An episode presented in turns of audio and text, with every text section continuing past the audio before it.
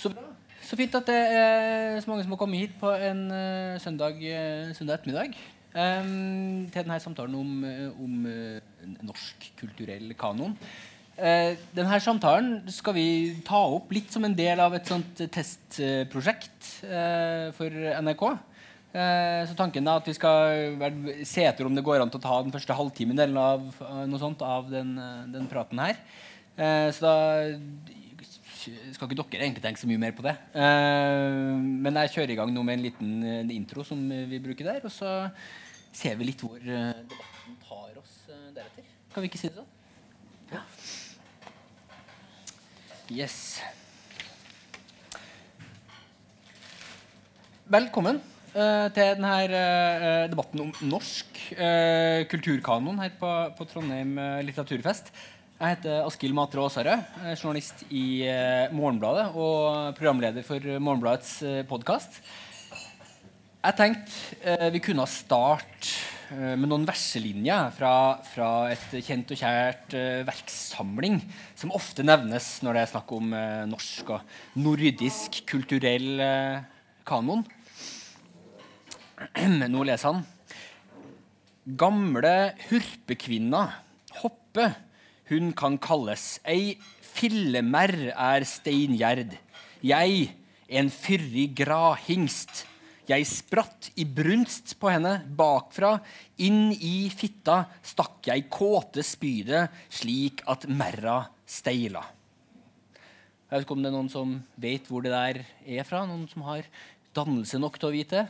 Norrøn litteratur. Ja, Det er korrekt. Det er fra Kormaks saga, som er en historie som foregår i Norge og, og eh, på Island og Irland eh, på tampen av 900-tallet. Den lystige beskrivelsen av, av, voldtekt og dyp dyp, dyp uh, misogyni uh, Det virker på meg som den kommer fra en totalt fremmed uh, kultur. Noe som kunne vært skrevet i en IS-leir og ikke i, i, i Norge. Likevel så er det vel forholdsvis stor enighet om at den har en plass i um, vår norske kanon, de her islendingssagaene. Det er jo et, et, ekstremt og ganske tendensiøst eksempel kanskje fra, uh, fra min side. Men det er noe her likevel føler jeg, som, som jeg ikke helt forstår med hvordan man skal forholde seg til kanonbegrepet og den norske kanon kanon betyr jo egentlig Det kommer fra, fra den katolske kirka. Det som var kanoniserte tekster der, var de autoritative tekstene fra, fra den katolske kirke. Og ordet i seg sjøl betyr jo rettesnor. Det er noe du skal ja, rette deg etter. Eller et forbilde. altså Noe man skal på en eller annen måte ønske å bli på, ja, på et eller annet slags sett. Uh, ja, hva vi bør være. Uh, hva gode norske verdier som vi kan være stolt over, er, som vår kulturminister sier eh, i tide og utide nå for, eh, for tida. Eller er det det en kanon i det hele tatt skal være? Jeg blir i alle fall litt forvirra. Hvilken rolle skal ideen om en, om en kulturell kanon ha? Da, da kunnskapsminister Torbjørn Røe Isaksen prøvde og ymta om at, at uh, hans parti burde ha et punkt i sitt partiprogram om at man skulle opprette en slags uh, norsk nasjonal kulturkanon, så ble det jo bare rebalder av det. Jeg håper at vi her i dag kanskje kan uh, få til en litt klarere, mer interessant samtale om det norske kanonbegrepet. Uh, jeg tror i vi har et panel som kan hjelpe oss uh, med det. Jeg har med forfatter og blant mye annet mottaker av Fritt Ords honnør for sine innspill i innvandrings- og integreringsdebatten, Walid al-Kubaisi. Velkommen. Eh, jeg har med meg eh, rådgiver i den eh, liberale og høyreorienterte tankesmia Civita. Og historiker og tidligere leder for, for kulturinstitusjonen Studentersamfunnet i Bergen, Erik Løkke. Takk. Og eh, Vigdis Hystad, litteraturprofessor og ekspert på det som vel er grunnsteinen i en mang norsk kanon, eh, Henrik Ibsen. Jeg lurte på om jeg skulle starte med deg, Vigdis. Hvordan har du sånn, kjenner historien? Hvordan har den norske kanoen vært brukt i, i bygginga av, av, landet tilbake i, i historien? Ja øh, Vi fikk jo en begynnende nasjonalisme, eller nasjonalfølelse, øh, slutten av, mot slutten av 1700-tallet. Med Johan Nordahl Brun, som jo var trønder. Eh, og andre diktere tilhørende Det Norske Selskap i København. De studerte jo der, hadde sin utdannelse der og begynte å tenke nasjonalt og begynte å skrive skuespill, ofte med historiske emner. Så uh, Nordahl Bruens berømte 'Einer Tamberskjelvet' er vel uh, det mest kjente eksempelet. Det var jo så radikalt at det ble forbudt uh, på Det Kongelige Teater. Det, jo, det var veldig nasjonalt. ikke sant? norsk selvstendighet. Og det var jo han som skrev noe som absolutt bør være på vår kanon, nemlig 'For Norge, kjempers fødeland, vil denne skål uttømme' det var jo en hyllest til de norske soldatene som utgjorde livgarden til danskekongen. Og de gjorde mytteri mot Struensee, for de ville selv bestemme at de skulle være livgarde og ikke spredes ut over eh, nye hæravdelinger. Så da skrev han altså om nordmennenes tapperhet og standhaftighet. Og den sangen tror jeg alle vet om, og den bør være på vår kanon fordi det er et historisk dokument samtidig som det er et dikt. Men det, eh, det, begynner jo egentlig ikke hos oss med noen nasjonal litteratur før på 1800-tallet. Eh, da har vi jo eh, navn som i dag er helt ukjente, eh, som Henrik Anker Bjerregaard f.eks., som jo skrev eh, bl.a. et vidunderlig politisk drama mot kong Karl Johan. Det het 'Magnus Barfots sønner'. Og det handlet om at den som ville være konge i Norge, måtte rette seg etter folkesuvereniteten og ikke opptre sånn som Sigurd Jorsalfa gjør, nemlig å, å, styre alt selv. Det var jo en fint til kong Karl Johan. Det var jo et klart politisk drama og en stasjon i utviklingen av den norske selvstendighets- og frihetsfølelsen. Men de dikterne som er mest kjent fra den første delen av 1800-tallet, det er jo Wergeland og Welhaven. Og den som har satt sitt sterkeste stempel på Norge som nasjon, det er jo Henrik Wergeland. Med sin eh, hyllest Han var jo så internasjonal av innstilling som det går an å være for noe menneske. Han fulgte jo med i frihetsbevegelser i Sør-Amerika og i Europa og skrev om dette uh, med største selvfølgelighet i en rekke praktfulle dikt. Uh, han uh, fulgte også med i utviklingen av frihetsfølelsen og språkfølelsen her i Norge.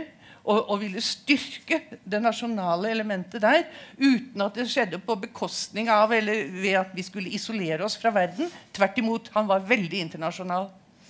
Dessuten var han vel et geni, sånn at han er en av de største dikterne vi har hatt i Norge. Og det er jo tragisk at vår store Henrik Wergeland i dag ikke er mer kjent enn han er, og ikke mer lest enn han er.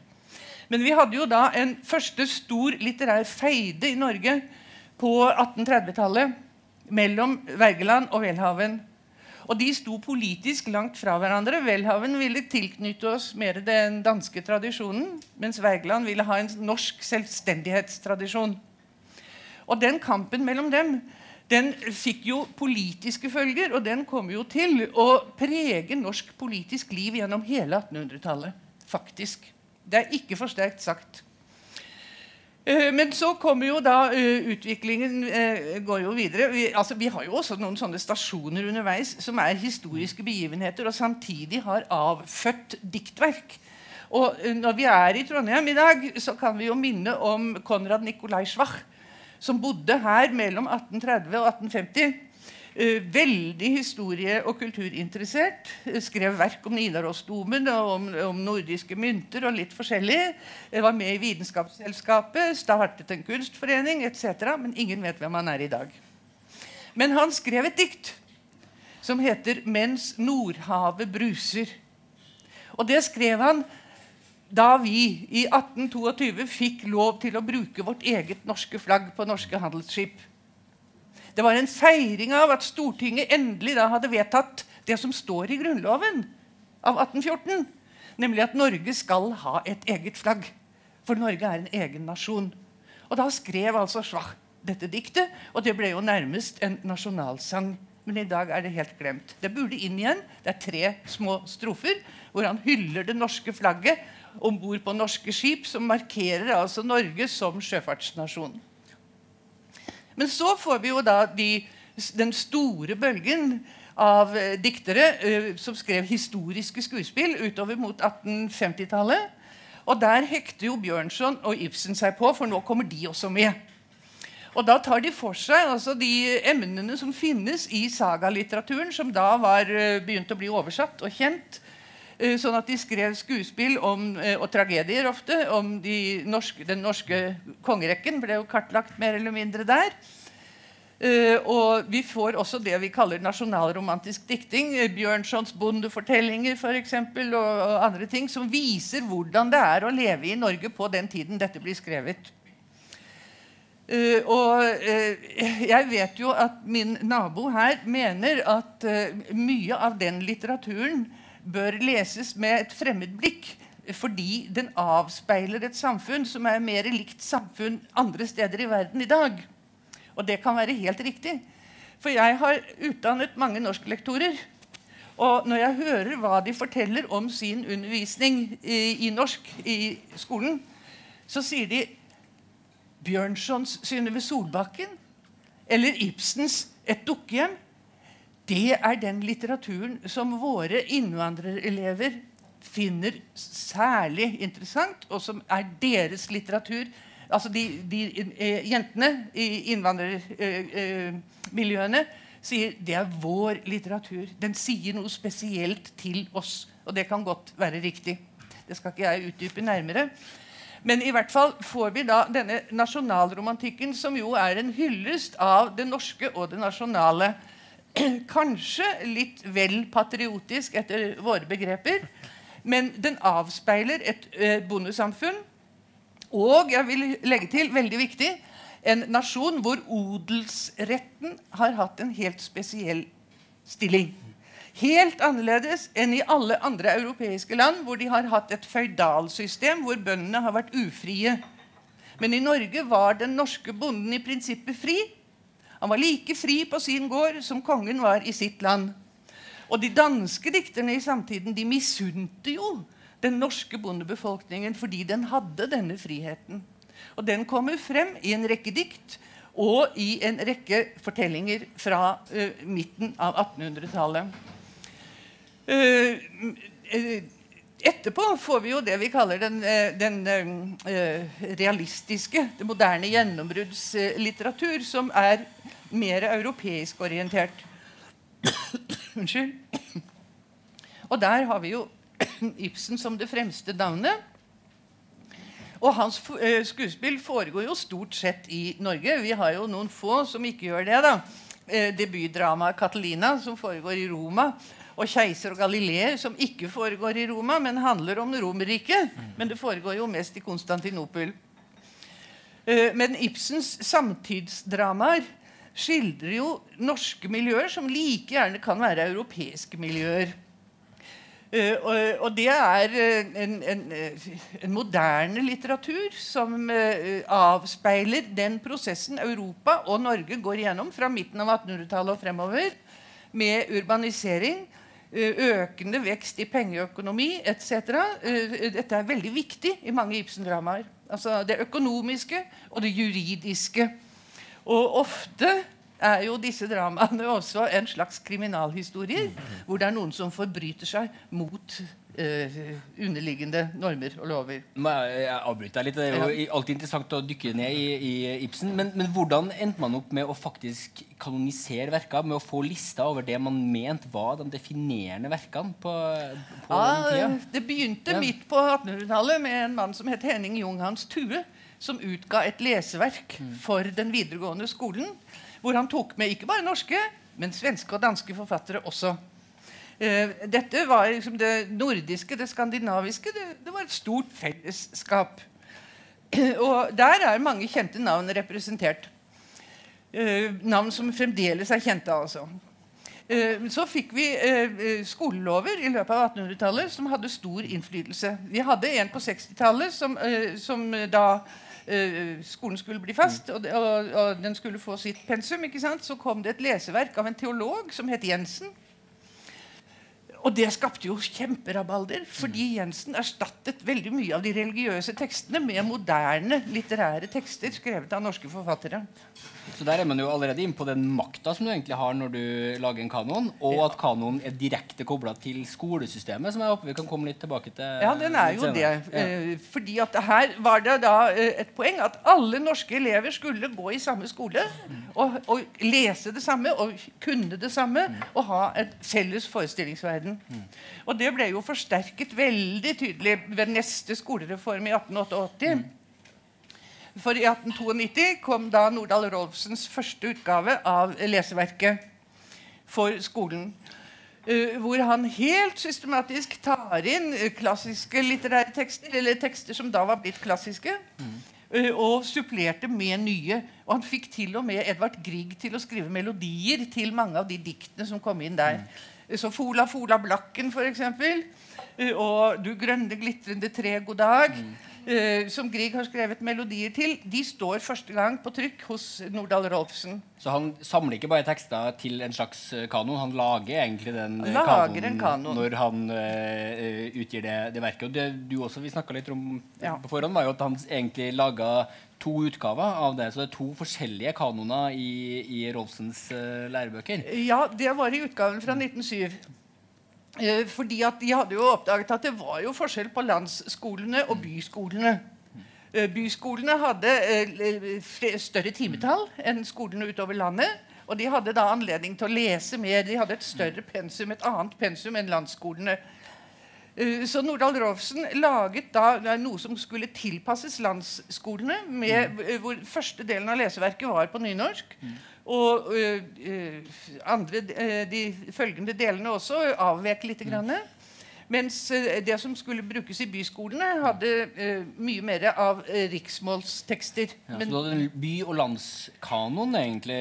Ja, da. ja. Og da er vi jo inne på det der Det er vanskelig å lage en kanon uten å da ende opp å gjøre det der, og lage egentlig politikk ut av det. Og da, og da tenker jeg hvis vi skal prøve da å flytte ideen om kanon over til vår tid er, har vi noe å lære fra det her? Noe å, å komme oss unna fra, fra, det som skjedde på den tida? For når, når Torbjørn Røe Isaksen foreslo at Høyre skulle få det inn i sitt, sitt program, så ble det jo bare eh, rabalder og snakk om eh, hvordan kanonen kan virke ekskluderende. Eh, er det mulig å rømme fra politikken hvis du skulle tenke å lage kulturelle kanoner? Kanskje kan kaste det til deg, Erik? Ja, men jeg tenker Politisk er det uansett. Mm. Det er også en politisk beslutning å si at vi ikke skal ha det. Eh, så, så, politikken kan man vanskelig rømme utenom, uansett hva man ender opp med her. Eh, jeg tenker at det fins gode argumenter. Veldig veldig interessant og spennende å høre på den historiske eh, bakgrunnen. Og eh, en del kan man jo også kjenne igjen fra, fra, i dag. Hva er det de viktigste verkene er? Eh, hva er det vi skal lære? Hva skal være de felles forestillings maktbildene som vi har i nasjonen Norge. Og jeg tenker jo den diskusjonen vi har med ekkokammer, sosiale medier og en økende globalisering som gjør at vi kanskje i mindre og mindre grad opplever å ha eh, felles forestillingsverdener, gjør at denne type debatten blir ekstra viktig.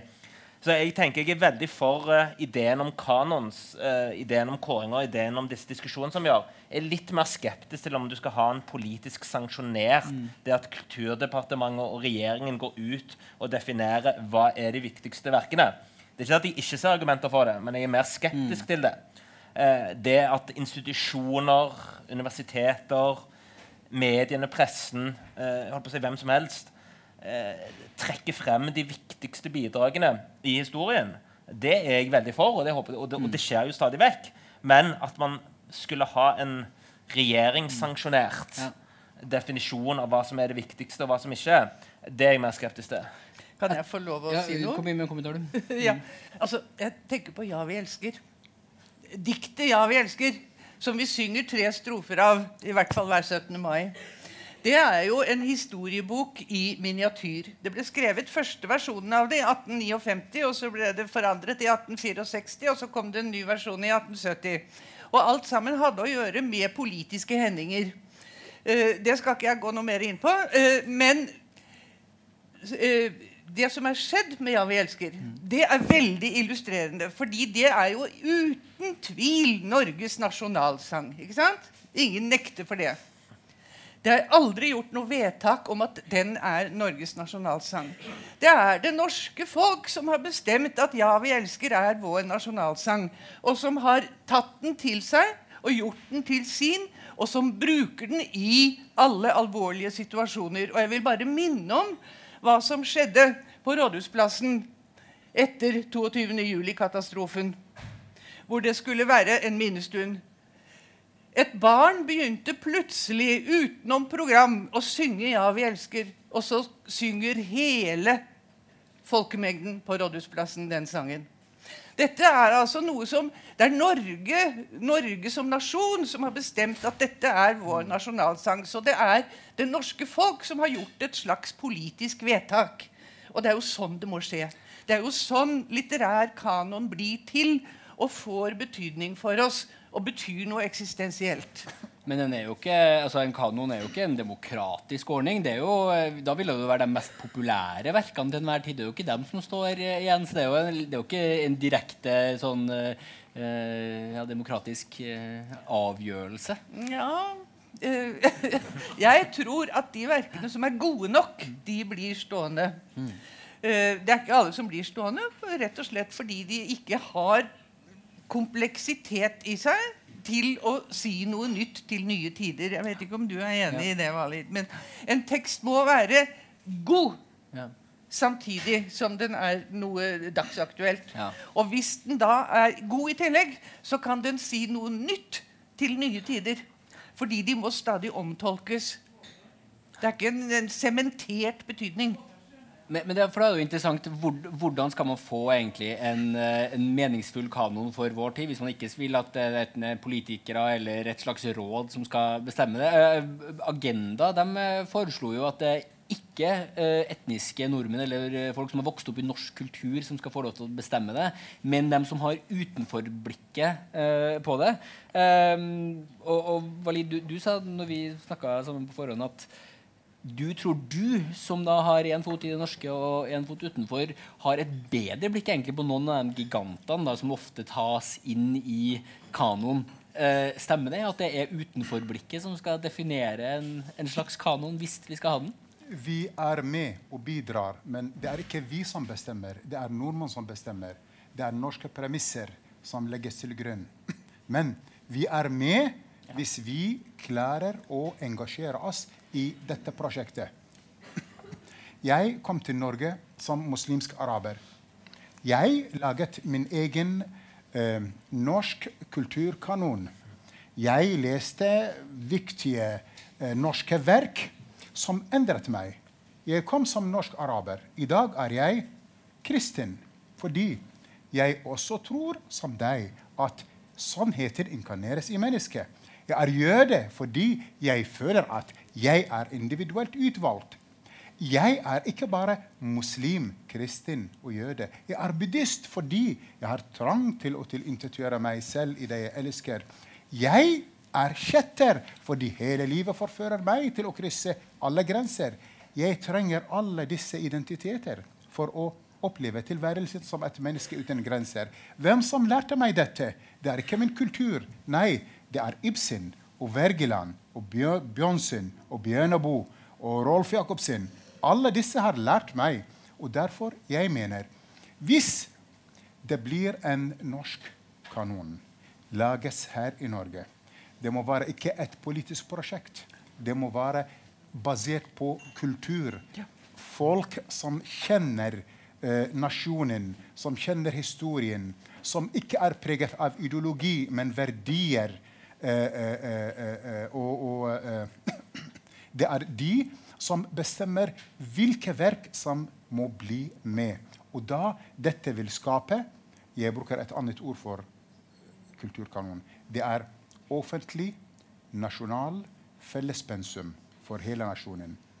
Hele nasjonen må lære lese og kan skape felles referanser for nasjonen. Og dette er veldig viktig nå.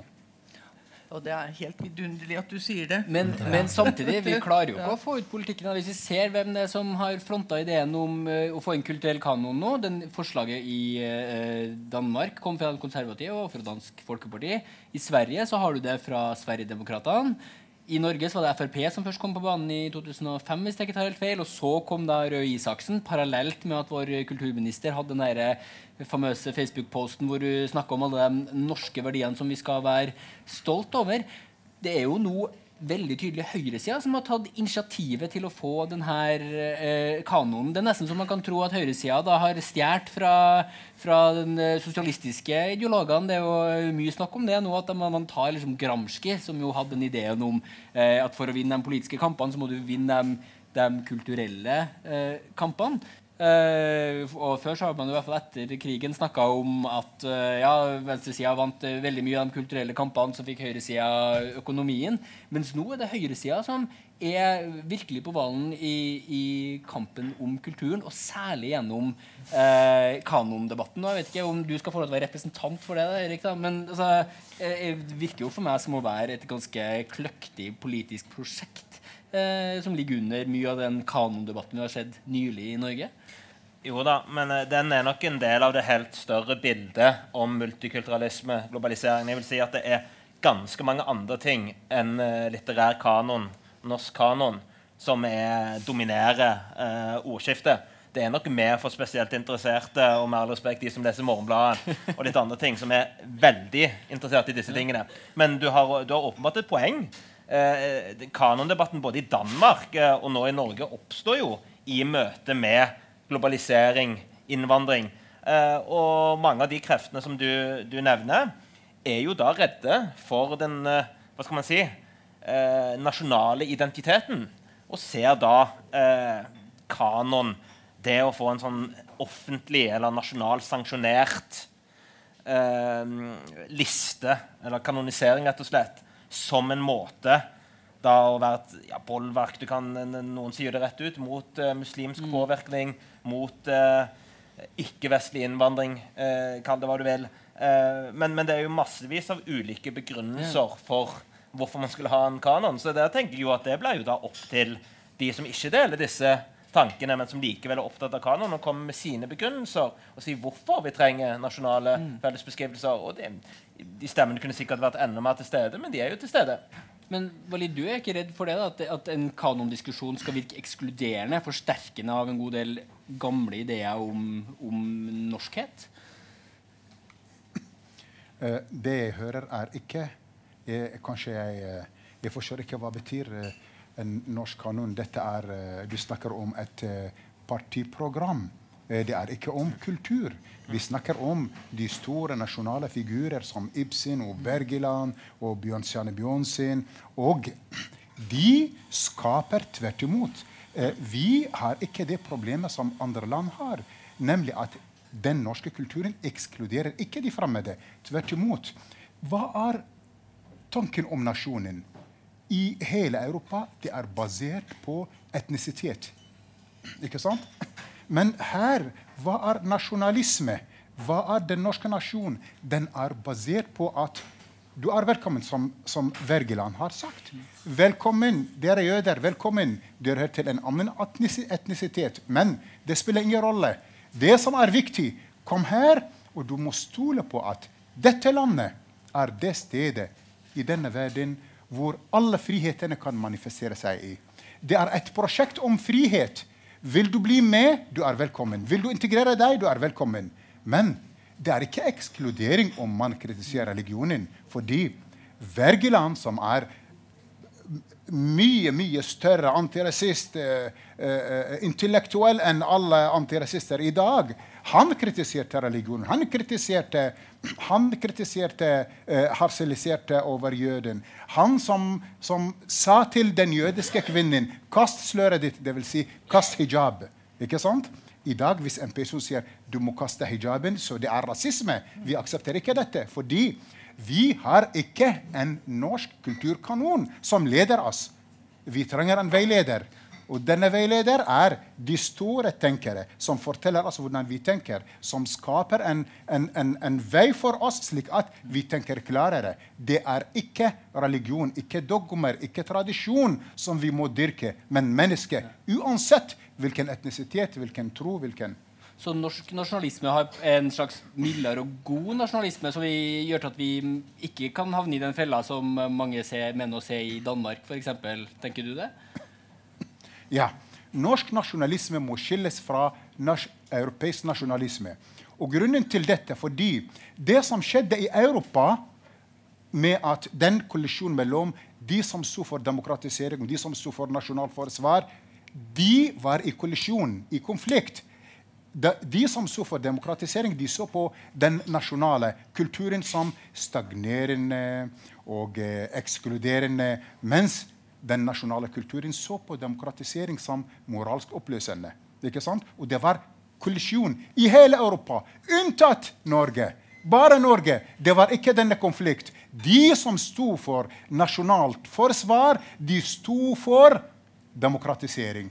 Og i tillegg alle de nasjonale skikkelser i, kultur, i den norske kultur, deres kultur, de har forenet sin nasjonalisme med humanisme, som Fridtjof Nansen og, og Wergeland. Og, ikke sant? Så den norske nasjonalismen er litt, er litt annerledes? Eller er vi bare blind for de farlige delene av det? Vi sitter på en kafé som heter Sellandrå, som er oppkalt etter Isak eh, eh, fra Markens Grøde en bok som er det skrevet av det som det, nå er det vanskelig å påstå at ikke var en, var en nazist. Er, er, dere enige i at den norske nasjonalismen er bedre enn andre, eller er vi bare blind for de skumle, skumle sidene av dere andre? Nasjonalisme er et farlig begrep. Jeg vil heller bruke begrepet nasjonalfølelse. Uh, og i stedet for nasjonallitteratur, som etter hvert også er blitt litt uh, betent, så vil jeg si morsmålslitteratur. Uh, altså det er mange eksempler på at det de sang av nasjonale sanger i Norge på begynnelsen av 1800-tallet, det var like mye danske og svenske uh, som norske sanger. Og det må bare bety én ting, nemlig når, når, en dansk forfatter hyller Danmark som fedreland, eller en svensk forfatter hyller Sverige, så var det like bra for en nordmann å synge som de norske. Fordi dette var en allment respektert følelse. Kjærligheten til hjemstavn og fedreland og eget språk. Og det er jo en gang sånn at vi har alle vi er født inn i et språk. Vi bruker et språk og en forståelsesmåte når det gjelder verden omkring oss, som er uh, unik. Altså I denne delen av verden er den uh, unik. Og det er fra vår utsiktsposisjon at vi ser resten av verden og forstår den og tolker den. Og eh, Hvis vi ikke skal gjøre det også ved hjelp av våre største forfattere, som jo er de uh, mest fremragende brukere av det norske språket De skaper språket vårt, de utvikler det. Og vi er så heldige at vi kan lese dem i original. Hvis ikke vi skal begynne der og se hva vi kan få ut av dem, og også se hvordan de eksporteres videre til resten av verden, så skjønner ikke jeg noen ting. Uh, men jeg skal fortelle en skrekkhistorie. Uh, jeg har et barnebarn på 17 år som begynte i videregående skole i fjor. Og det første han fikk høre da han kom til sin norsklærer, det var i denne klassen, barn, eller eh, gutter eller jenter, skal vi ikke ha ett ord om Ibsen. Jeg liker ikke Ibsen. Ibsen er ikke dyp. Jeg vil ikke høre om Ibsen. Og så sier jeg til eh, mitt barnebarn at han er smart. Han vil bare provosere dere for å få dere interessert i Ibsen. Men det stemte ikke. Dette var alvor. Og det betyr at f.eks. det diktverket som i år fyller 150 år Per Gynt. Det får ikke disse elevene lov til å snakke om i sin norskklasse på videregående skole i Oslo. Da må de ha privatundervisning, og da vil det si at det er bare de som har mulighet til å få den undervisningen sin eh, hjemme, som får vite noe om det. Dette syns jeg er helt hårreisende. Og det henger jo sammen med at uh, i 2006, med den skolereformen vi da fikk, så falt alt obligatorisk pensum ut fra norsk skole. Uh, det finnes ikke ett verk eller ett forfatternavn som skal leses. Lærerne kan gjøre hva de vil. Elevene kan velge hva de vil. de blir jo selvfølgelig da helt avhengig av de leseverkene eller læreverkene som de norske forlagene spyr ut. Men jeg syns jo dette er, det er helt forkastelig. Eh, fordi det, eh, Resultatet er at vi ikke lenger får generasjoner av nye nordmenn som vet det samme, som kan det samme, som vet hva som står eh, i Per Gynt f.eks. Eh, dette er jo en demokratiseringsprosess. Det å, å, å la dem få del i de tankene om frihet og eksistens og mye annet som finnes i de største diktverkene. Jeg synes Det er helt meningsløst at vi nekter de norske elevene å få dette som en garanti. Noen får det. Noen har gode norsklærere. Men det er som, som jeg sier, ikke alle som har det. Du hadde kommentarer? Ja, jeg tenker jo på dette med eh, nasjonalisme eh, som Det kan ha et flertydig begrep, og det brukes ulikt. Eh, og, og, mitt poeng var litt var, Jeg syns du hadde glimrende argumenter for hvorfor dette er viktig. Men jeg tenkte på spørsmålet om hvorfor det er høyresiden i dag som er frampå i denne debatten. Det er jo fordi at de ser den hva skal man si, trusselen fra utlandet, trusselen fra globaliseringen etc. Et og det er jo en følelse man skal ta på alvor. Eh, og så kan man jo ha ulike argumenter på om det er en regjeringssanksjonert kanonbeskrivelse. Eh, og det er virkelig et skrekkeksempel som du, du, nevner. Jeg tenker jo sånn der at eh, det var vel, eh, var vel eh, Fredrik Schiller som sa at mot dumhet så kjemper selv gudene forgjeves. Og det er jo sånn at den type norsklærer Jeg vet ikke hvor, my hvor mye du kan vedta lover og regler som garanterer mot at du slipper den, den, den type ting. Eh, mitt poeng i den, den, debatten her om kanon og norsk kultur Jeg tenker jo at det, kultur er jo ikke statisk. Mm. Eh, det kommer jo alltid til å påvirkes. Og hvis vi får opp en debatt rundt det, så får vi med utgangspunkt i klassikerne. Så kan jo nasjonalisme bety noe annet i dag enn det gjorde for 200 år siden. Alle disse typer begrepene utvikler seg jo. Og Derfor tenker jeg at mer enn nødvendigvis resultatet, så er den prosessen, refleksjonen og diskusjonen som man får rundt det, en ekstremt nyttig ting for uh, nasjonen Norge. Mm. Men det vi så i, i Norge, da, den debatten her noen nylig starta, og som vi også for så vidt så i Danmark, var jo at, at det starta som en diskusjon om uh, verka. Standardverka, som gjør at vi skal, alle skal kunne delta i en felles samtale, fordi alle har kunnskap om et sett med, med, med verka, Og som kan være verka som man kan uh, ha lest og mislikt, men forstå, og derfor forstå mer uh, verden rundt. Men det som skjedde i Danmark, og som vi også fort fikk på, på banen i Norge, var at uh, bl.a. Human Rights eh, Services sa nei, det her, nå har vi, vi startet med en, en, debatt om kulturell kanon. Vi må bare eh, ta den til sitt naturlige endepunkt. Dette er egentlig en verdikanon. Det er det vi trenger. Og der merker jeg at jeg, jeg blir litt forvirra. For hva skal innholdet i en kanon egentlig være? Skal det være normativt godt. Tilbake til det her det fantastiske diktverket jeg leste litt av på, på, begynnelsen nå.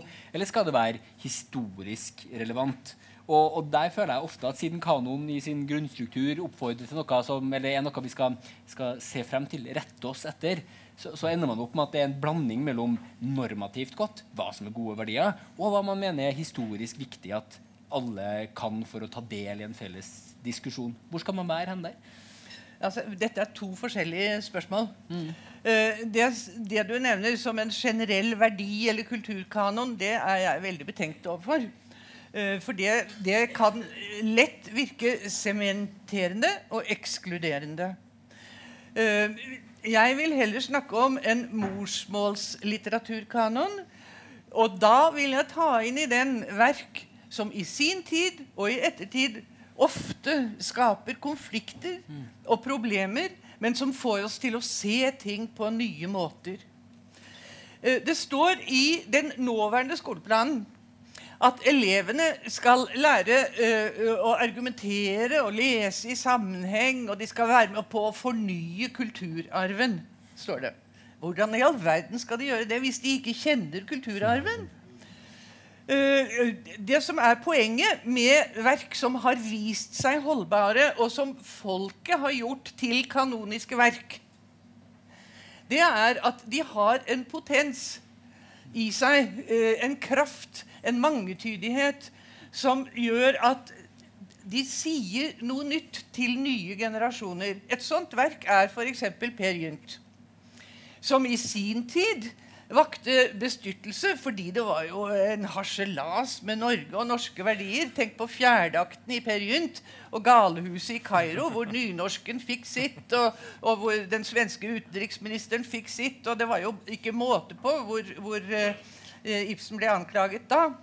Men det er ikke den nasjonale satiren som er den viktigste i Per Gynt. Det ser jo vi i dag. Dette er jo et eksistensfilosofisk skuespill som handler om hva det vil si å være menneske i verden og i forhold til andre mennesker. Den som eh, isolerer seg fullstendig i sitt eget selv, det er jo Per. Og hvordan går det? Jo, han blir gal. Han blir kronet til de gales keiser i dårekisten i Kairo. Dette er jo et kraftig varsko mot at du må åpne deg mot verden, men du må samtidig være deg selv.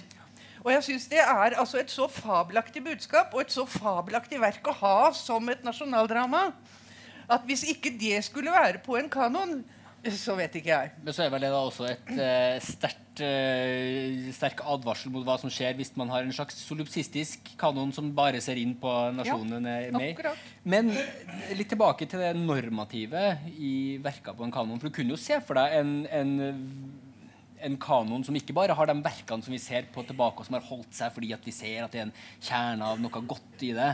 Du kan ha en negativ kanon med grusomme verk, men som likevel er viktig at alle kjenner. Du nevnte 22. juli nå. Det er litt tendensiøst, men samtidig du kunne se for deg om 100 år at det var viktig for uh, norske elever å vite at uh, terroristens manifest fantes, og at den var et verk med en virkningshistorie.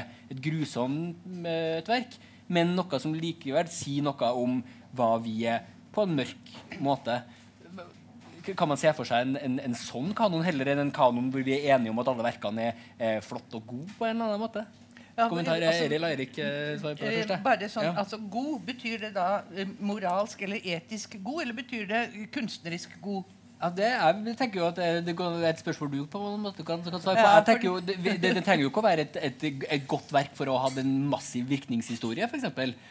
Nei. det Kan, det, altså jeg, jeg, vil jo holde på den kunstneriske kvaliteten som, som det som det gjelder. Eh, et, et eh, litterært verk skal ikke moralisere. Og dere kan jo bare tenke på alle Ibsen-dramaer, eller ingen Ibsen-dramaer ender med en moral. Mm. Det gjorde Holbergs skuespill. Alle sammen.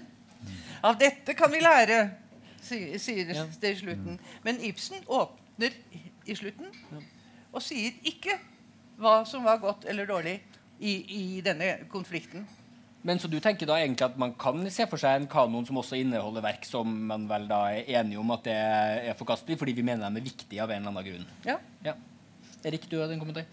Ja, altså jeg tenker jo med, Det var vel det, mye av det som er tillagt Ibsen, med at mitt kall er at svare kun at spørje. altså den ideen på å gi folk, og det er iallfall det når jeg leser Ibsen, det er at du kan reflektere det ma mange måter å tolke disse ulike tingene som, som, mm. Ibsen skriver om. Men til det spørsmålet om man skal ha med viktige verk som er ekstremt negative altså Det mest naturlige vil jo da for være å spørre hvordan skal Tyskland forholde seg til Mein Kampf. Ja, Nå ser jeg også at de skal rive barndomshjemmet til, til Adolf Hitler. Og mm. jeg mener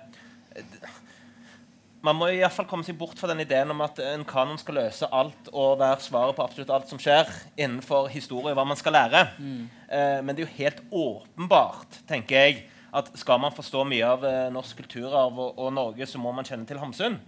Og jeg mener Knut Hamsun er jo en person som er problematisert mye, og det fortsetter man jo å gjøre. Men eh, en del av bøkene hans eh, står seg jo fremdeles, selv om det er jo fremdeles noe som er eh, under debatt. Så for meg så er det helt åpenbart at du må ta med den historien som vi tross alt eh, er en del av. Det betyr jo ikke at du ikke kan problematisere den. Mm. Selvfølgelig skal man det.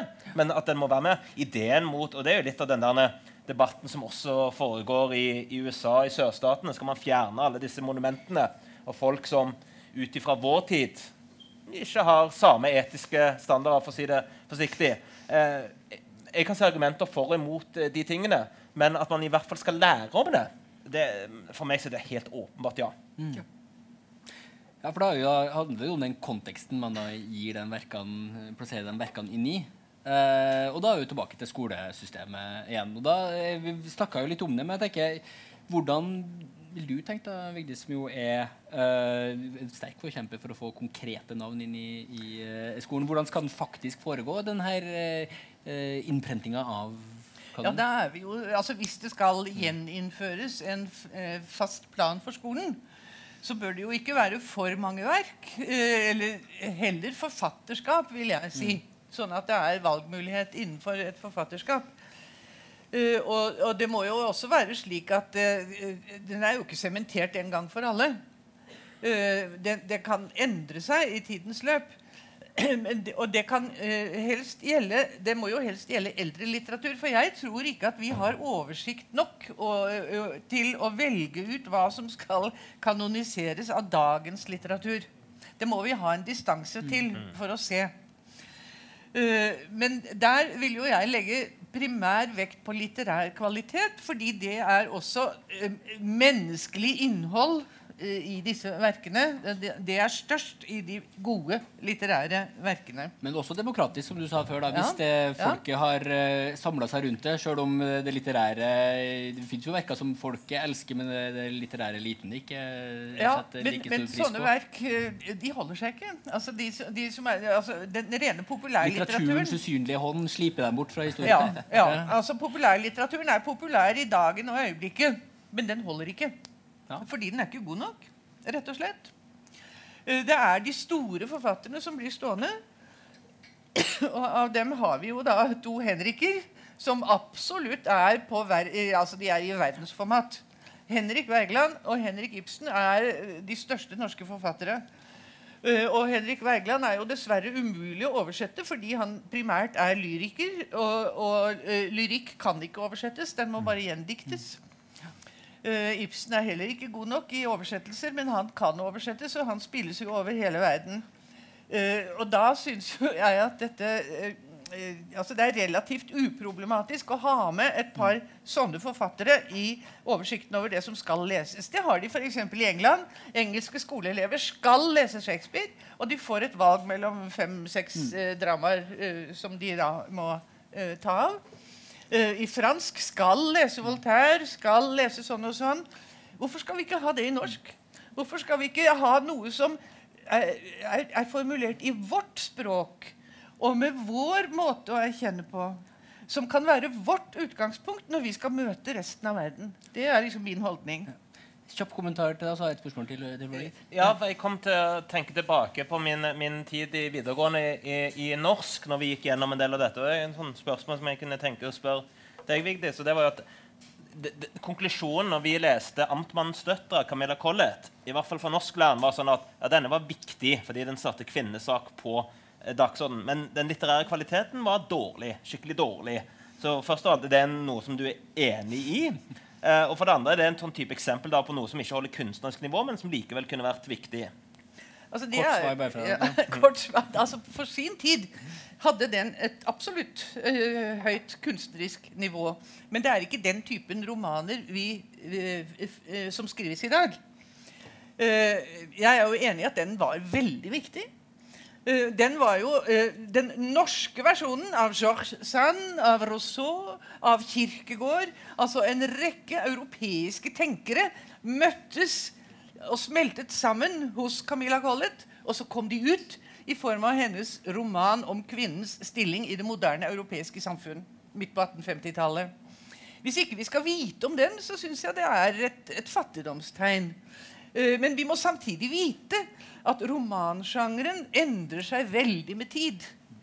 Og dette er en måte å skrive på som virker som sånn gammeldags byråkratspråk og, og, og, litt forskjellig. Så det er klart det er krevende for unge mennesker å lese. Akkurat som det er svært krevende for dem å lese et Wergeland-dikt i original.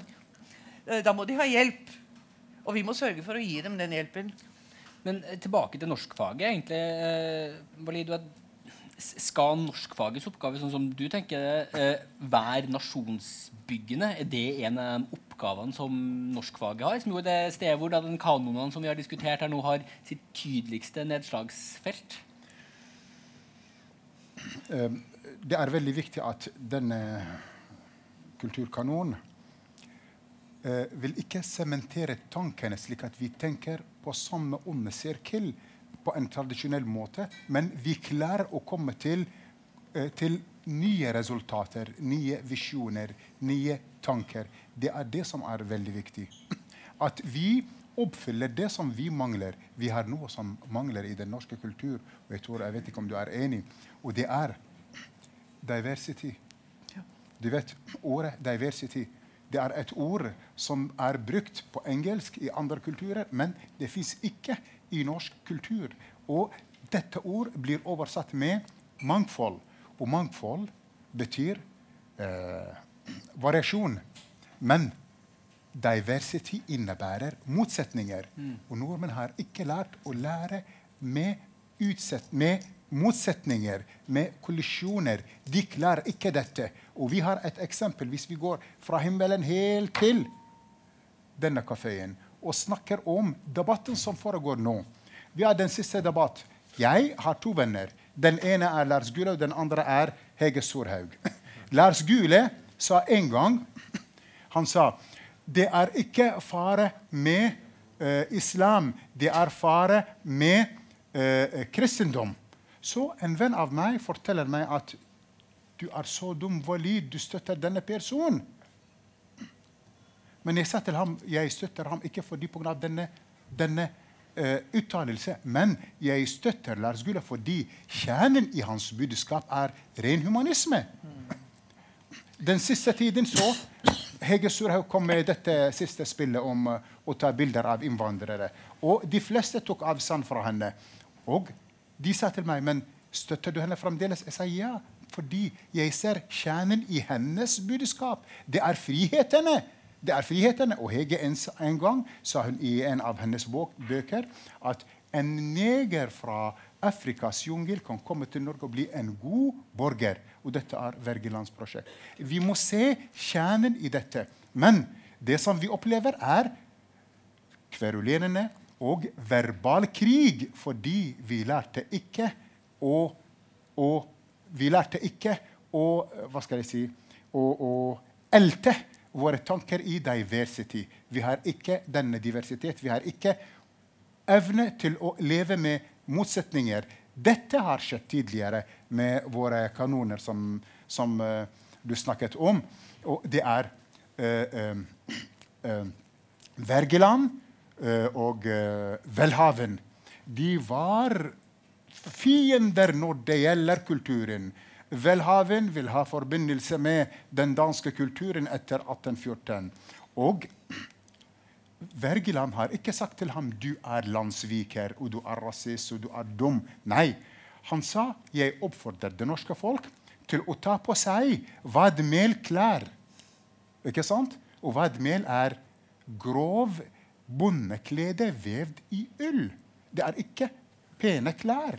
Men han sa dette er for meg mer kostbar enn den danske kulturen. På den måten diskuterte de. aksepterte dette. De praktiserte diversity. Men i dag vi har bare verbal krig. Dette er veldig viktig å ta med i den, i den uh, norske kultur. Uh, kultur.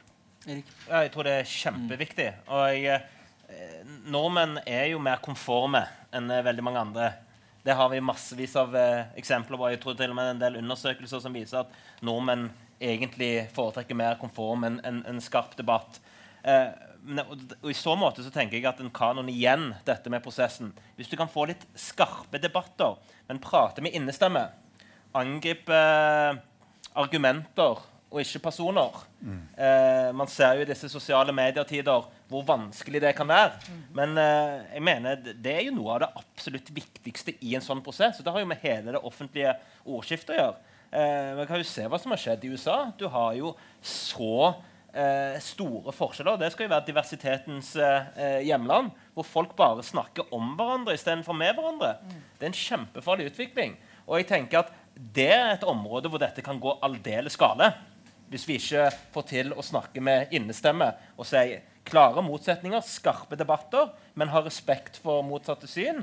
Og, ha, og angripe argumenter og ikke personer. Det er en ja, det kan ikke understrekes nok hvor viktig det er. Så norskfaget skal ikke nødvendigvis være nasjon, nasjonsbyggene, men diversity-byggene på en eller annen måte. Ja, takk, begge deler. Ja. Ja. Det skal være dannende, altså i god forstand.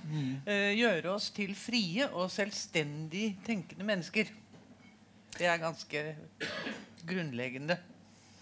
Jeg tenker Nå begynner vi å nærme oss slutten her. Eh, jeg tenker Kanskje vi skal åpne for noen spørsmål, hvis det er eh, noen spørsmål fra salen. Hvis ikke så har jeg noen flere spørsmål til dere. Men jeg vet ikke om det er noen som har lyst til å, å kaste ut et eller annet.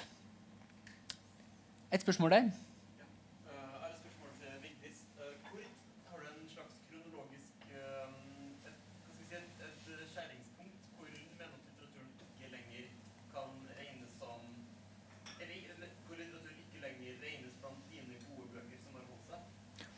Og så er spørsmålet, jeg kan gjenta det. Eh, Er det noen, er, hvor eh, skal man sette denne grensa for når en bok ikke lenger er god nok til å ha holdt seg? Nei jeg, jeg vil jo si at, at eh, hvis, hvis jeg skal ta stilling til noe sånt, så, så vil jeg vel mene at i hvert fall en generasjon tilbake må være eh, eh, Altså, jeg, jeg kan ikke vurdere eh, jeg, jeg kan jo selvfølgelig si at jeg eh, er svært begeistret for Dag Solstads romaner. Eh, og jeg regner jo med at eh, noen av dem kommer til å bli stående lenge. Eh, Men jeg vil ikke våge å inkludere noen av dem i en kanon i dag, fordi de hører, hører til oss her og nå. Jeg vil ha mer distanse, og jeg vil si kanskje en generasjon tilbake. Ja. Ja, og dette med at eh, måten vi vurderer historien endrer seg, den endrer seg veldig fort. For å ta et veldig nærliggende eksempel, så er det ganske mange nordmenn og europeere som i dag samler George W. Bush. Det har jo litt med hvem som er president i USA i, i dag. Så hvis du hadde tatt vurderingen av eh, Bush for åtte år siden og i dag, så tror jeg den kommer til å endre seg ganske fort. Eh, så historien blir veldig mye sett gjennom nåtidens deler. Og det er jo alltid en debatt om hva som skal være historie. Så jeg tenker også at man være litt forsiktig med å inkludere eh, for mye av det som publiseres i dag. Og et veldig kort tilleggsargument til det er jo at hvis man tar opp alt som publiseres i dag Det er jo enormt mye mer som publiseres eh, i dag enn hva som publiseres før. Eh, jeg har ikke regnet på det, men en påstand kan jo være at antageligvis publiseres mer tekst på ett år i Norge i dag enn på hele 1800- og 1900-tallet til sammen. Så det er jo noe med at man skal få oversikt over alt som publiseres, med en utfordring i seg sjøl.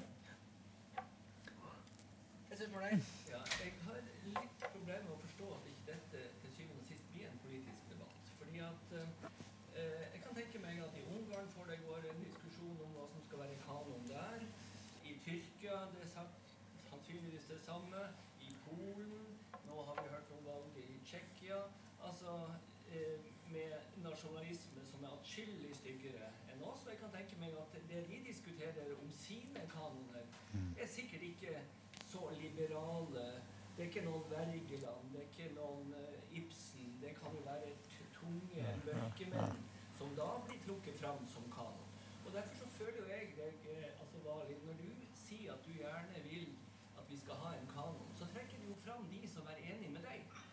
Det er jo det du sier. Fordi at du ønsker kanoer, eh, at kanoner med Wergeland, som er en frihetshelt, selvfølgelig. Eh, intellektuelle som Ibsen. Og du nevnte flere. Bjørneboe. Antiautoritære. Fordi at det liker du. Det passer deg. Ikke sant? Ja. Eh, hva vil du ha, ha sagt eh, hvis du var i Ungarn nå og diskuterte eh, om eh, de kanonene som de kanskje foreslår, eh, når vi ser på den politiske utviklinga som er der? Tror ikke du at de vil trekke fram ganske andre som gjør at du var uenig i det? Slik at du er enig i våre kanoner fordi at du er enig med ideologien. Ikke fordi at de først og fremst er god litteratur. Det er min spissformulering, men du kan gjerne svare på det. Dette er et spørsmål som er veldig vanskelig å svare. Jeg har aldri tenkt å reise til Ungarn. Jeg har aldri tenkt å bo i Polen. Og jeg underviser eh, polske elever, og jeg vet de er veldig nasjonalister. Og det er skremmende totalt annerledes enn Norge. Jeg tenker på Norge, og når vi klarer å gjøre dette, så hvis dette er bra, bra for oss Det betyr ikke enten hele verden har samme prosjekt eller ikke. Nei, ut, uten tvil. Jeg vet ikke hva kommer de til å velge. Det er deres valg, deres nasjon, Og vi tenker på å gjøre det som er bra for oss. Det er det. Men jeg er enig med dem, med Wergeland og Ibsen og sånn. Så jeg er eh, vel, veldig stolt. jeg er veld, veldig stolt.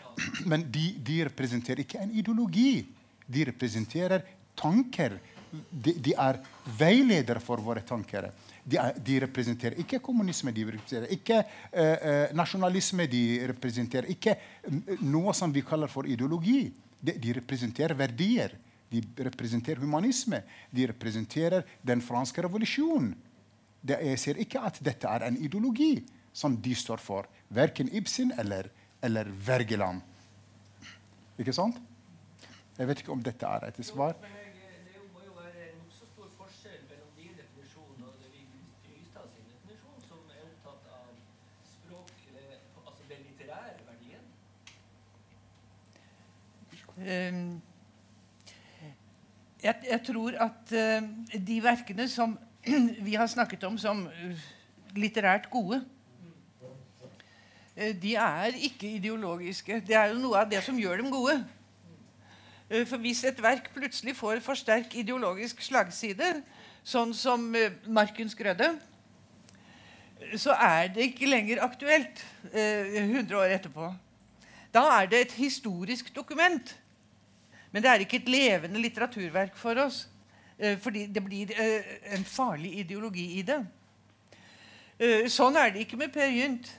Sånn er det ikke med Wergelands dikt i 'Jøden og judinnen'.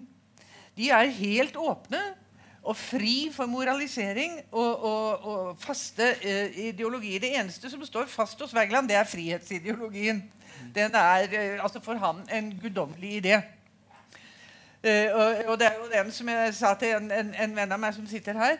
Eh, eh, altså Han skriver et 17. mai-dikt om friheten som en evig idé som bor i himmelen. Og så daler den ned en gang om året til oss på 17. mai, og den er da blåøyd. Liksom. Og det tar jo Bjørnson opp i 'Ja, vi elsker', hvor han sier eh, i verste nød blåøyet frihet ble oss født. Altså, vi har fått en gave i vårt folk som dikterne våre har vært med på å formidle, det er altså en, en slags hellig frihetstanke. Og det er jo klart eh, Det kan brukes politisk. Men jeg vil ikke kalle det noen politisk eh, ideologi. Eh, det er en stor idé som har preget den norske nasjon gjennom flere hundre år. Og den er her fremdeles. Vi er jo ganske ustyrlige. Vi gjør som vi vil i Norge. Og det tror jeg har gamle røtter. Og det har dikterne våre vært klar over, og det har de skrevet om. Men så fort de begynner å moralisere og, og, og snakke om blot ondt boden, eh, og, og sånn som Hamsun gjør i 'Markens grøde', så blir de uaktuelle. Den Hamsun som fortsatt er aktuell, det er han som skrev 'Sult'. Og det er noe helt annet. Den er fortsatt like, da. Vi håper at den friheten var blåøyd i form av naiv og åpen. Og Nei, det er ikke det det betyr. Det betyr ikke at den er naiv. Det betyr at den er hellig. Ja. Erik, en kort kommentar fra deg, og så har vi et nytt spørsmål fra salen. Ja, jeg er ikke helt sikker på om jeg eh, uten videre aksepterer den skarpe forskjellen mellom verdier og ideologi. Altså de, de flyter inn i hverandre. Om hver uh, ideologi vil jo si at de preges av grunnleggende verdier. altså Hvor man skal skille hva som er ideologisk og ikke, det er jeg uh, litt mer uh, usikker på. Du kan jo ta forfatter som f.eks. Uh, George Orwell, som jo veldig tydelig sa at han skrev for eh, sosialismen og at det er det som er den drivende kraften. Selv om veldig mange som ikke-sosialister, blant annet meg, finner veldig masse interessant i det eh, George Orwell skriver. Siste poeng til dette med Polen og Ungarn. Det er en av de årsakene, selv om det er veldig stor forskjell på Norge og Polen og Ungarn her, til at jeg er skeptisk. og sånn liberal skepsis mot å ha en regjeringssanksjonert eh, kanon som sådan. Eh, nå skal det sies at det som skjer i Polen og Ungarn, er vel så mye så det ideen om å viske vekk ting fra historien og omskrive historien. Og jeg tenker i hvert fall at Hvis man skal gjøre det, så må det i hvert fall lages på en sånn måte som gjør det veldig åpent. Og det, og det, det tror jeg jo både Valid og andre gjør. Det at man tenker mer eh, over eh, altså Ikke låse folk fast i tanker. Så det som er i Ungarn og Polen, det er jo en veldig sånn bevisst nasjonalistisk prosjekt som jeg er usikker på kunne sammenlignes om man skulle gjort det. Men man skal alltid være obs på det. Hvordan disse tingene kan brukes og misbrukes. Da er det et spørsmål herfra. Ja, det er egentlig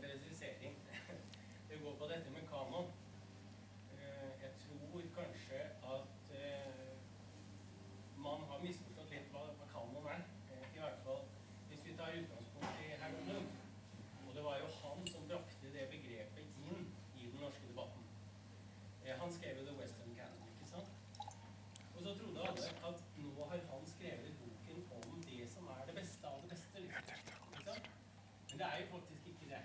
Altså hans idé eh, om eh, The Western Canon, det var at han viste liksom den store kulturveien gjennom Europa. Altså de verkene som på en måte speiler kulturene, ikke sant? Og som gir denne eh, fremdriften eh, i vår kultur. Eh, og derfor er jo Ibsen, Wergeland, Bjørnson en del av denne store eh, og Hamsun. Men det var jo mye diskusjon rundt dette med The Canon. ikke sant? Så, ja, men hvorfor er ikke Dostojevskij der? Eh, hvorfor er ikke Blake med? Ikke sant? Og så videre sånn. Nei, det var fordi at for, for, for, for Blum, altså Blums prosjekt var jo å vise at han valgte jo da Tolstoj, ikke sant, som det russiske der. Mens han så da Dostojevskij som en slags sidevei. Det betyr ikke at Dostojevskijs romaner var dårligere enn Tolstojs. Men hans prosjekt var et helt annet. Det var ikke å velge det beste av det beste. Det er der jeg tror vi har, vi har misforstått sånn. For vi skal liksom finne den beste boken, det beste, osv. Men det er faktisk ikke det som var det prosjektet. Og hvis vi skal ha en type kanon i det hele tatt, så må det nettopp være å vise denne store kulturverdenen. Ved, ved disse fyrtårnene. Ja. Ja, han sier jo at uh, Blooms bok fra var det 94 den kom, eller noe sånt uh, At uh, Shakespeare er jo for han den største. Eh, eh, altså, vi er blitt til ved hjelp av ham, for å si det litt enkelt. Og han advarer jo på den andre siden veldig mot å, å lese litteratur instrumentelt. Altså slik som man gjør i skolen når man lar ungdom lese bøker om eh, incest eller om skilsmisser eller om eh, innvandringsproblemer eller hva som helst. Da bruker man jo dette som et slags redskap og reduserer litteraturen til noe helt annet enn det den er. Eh, det som var Poenget for Bloom, det var at den gode litteraturen trenger beskyttelse mot den slags. Eh, og jeg syns jo det var en fabelaktig interessant bok å lese. Eh, eh, det han tok frem av Ibsen, det var Hedda Gabler. Og det er også et kapittel vel verdt å lese, altså. Ja. Er det noen flere spørsmål? da? For nå er vi egentlig litt på, på overtid. Vi må Da tror jeg egentlig vi avrunder. Tusen takk til, til, til dere. Eh, Walid Al-Kubasi, Erik Løkke og Vigdis eh, Ystad. Så får vi håpe at eh, denne debatten fortsetter. Det nekter jeg å tro at den ikke gjør i, i tida videre. Så takk for at dere kom. Tusen takk.